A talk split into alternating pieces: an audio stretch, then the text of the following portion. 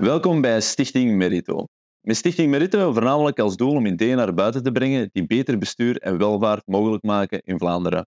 En nu het woord aan Evan. Wat zijn eigenlijk de fundamentele bouwstenen van een maatschappij? Die vraag moeten we toch ook ons durven stellen. Mijn stelling is dat we vier rollenspelers nodig hebben om een maatschappij goed te laten draaien, echt te laten floreren. En goed bestuur is niet alleen een taak die nodig is en essentieel is bij de overheid, maar ook in de private sector. Dat is al een belangrijk thema. Een tweede belangrijk thema is, ja, als we vertrekken van, ja, er is toch die markt en er is die overheid, dan is het kwestie van het evenwicht natuurlijk. Dat iedereen in zijn eigen rol moet blijven. Maar daar beperkt het verhaal zich niet bij.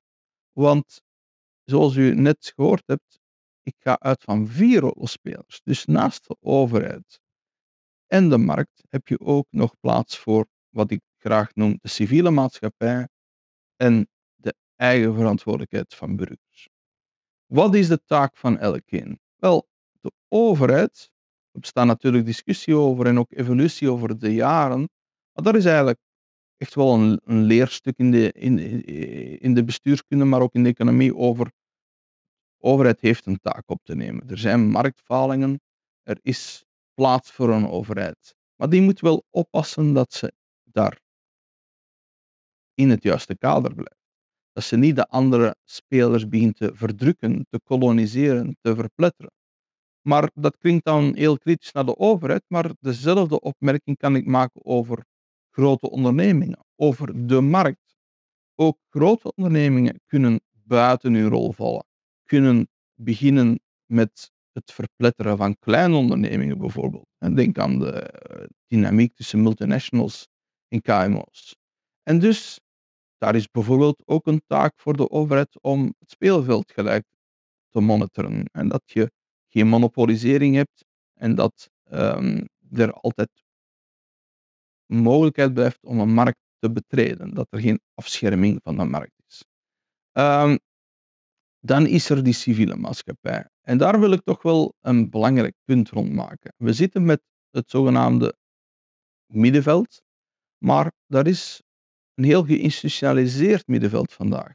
Dat is historisch gegroeid en dat leunt heel sterk aan bij die overheid.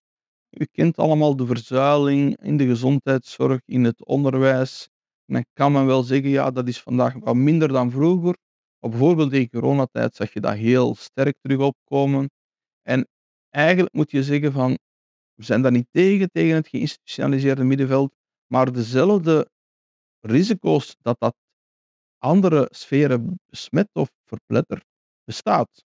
En dan heb ik het over wat meer spontaan ont kan ontstaan als verbanden tussen mensen. Verenigingen allerhande. En dan heb ik het over de civiele maatschappij. En ik heb het al eens becijferd. In ons land is in dat geïnstitutionaliseerd middenveld 70% van de jobs die bestaan, eigenlijk door de overheid gefinancierd. Hoe autonoom is dat middenveld dan tegenover die overheid? En daar wil ik echt wel de vinger op leggen. Waarom is dat zo belangrijk om dat te cultiveren? Omdat een maatschappij niet alleen kan draaien op de software van de overheid, van een overheidsdenken. Er is ook een logica, een eigen denkpatroon dat eh, nodig is in de private sector, maar ook in de verenigingen. En dat maakt een maatschappij maatschappij. En dat is wat we moeten koesteren en mogelijk blijven maken. Um, en dan is er natuurlijk de burger. En die moet ook zijn eigen verantwoordelijkheid opnemen. Uh, en dan kunnen we het spreken bijvoorbeeld over ja, de arbeidsmarkt. U heeft in dit land allerlei onderwijs genoten. Maar op een bepaald moment hebt u ook een plicht om inspanningen te verlenen eh, om bijvoorbeeld echt wel actief op een, naar een job te zoeken. Um, denk aan onderwijs. Daar worden altijd maar meer taken aan toebesteed die eigenlijk in het gezin plaats horen.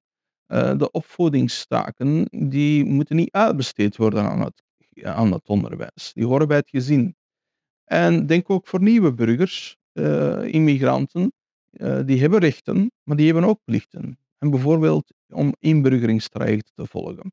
Alleen zo kunnen we tot een samenhangend, harmonieus, zou ik bijna durven zeggen, geheel komen. En dus om het samen te vatten, er zijn vier rolspelers. De overheid moet op haar kerntaken gewezen worden. De markt moet gezond blijven met welvaartscreatie en geen monopolisering. Het middenveld moet ook plaats blijven bieden aan nieuwkomers en aan het spontane dat van beneden in verenigingen plaatsvindt. En burgers moeten ook uh, op systematische wijze op hun eigen verantwoordelijkheid worden gewezen.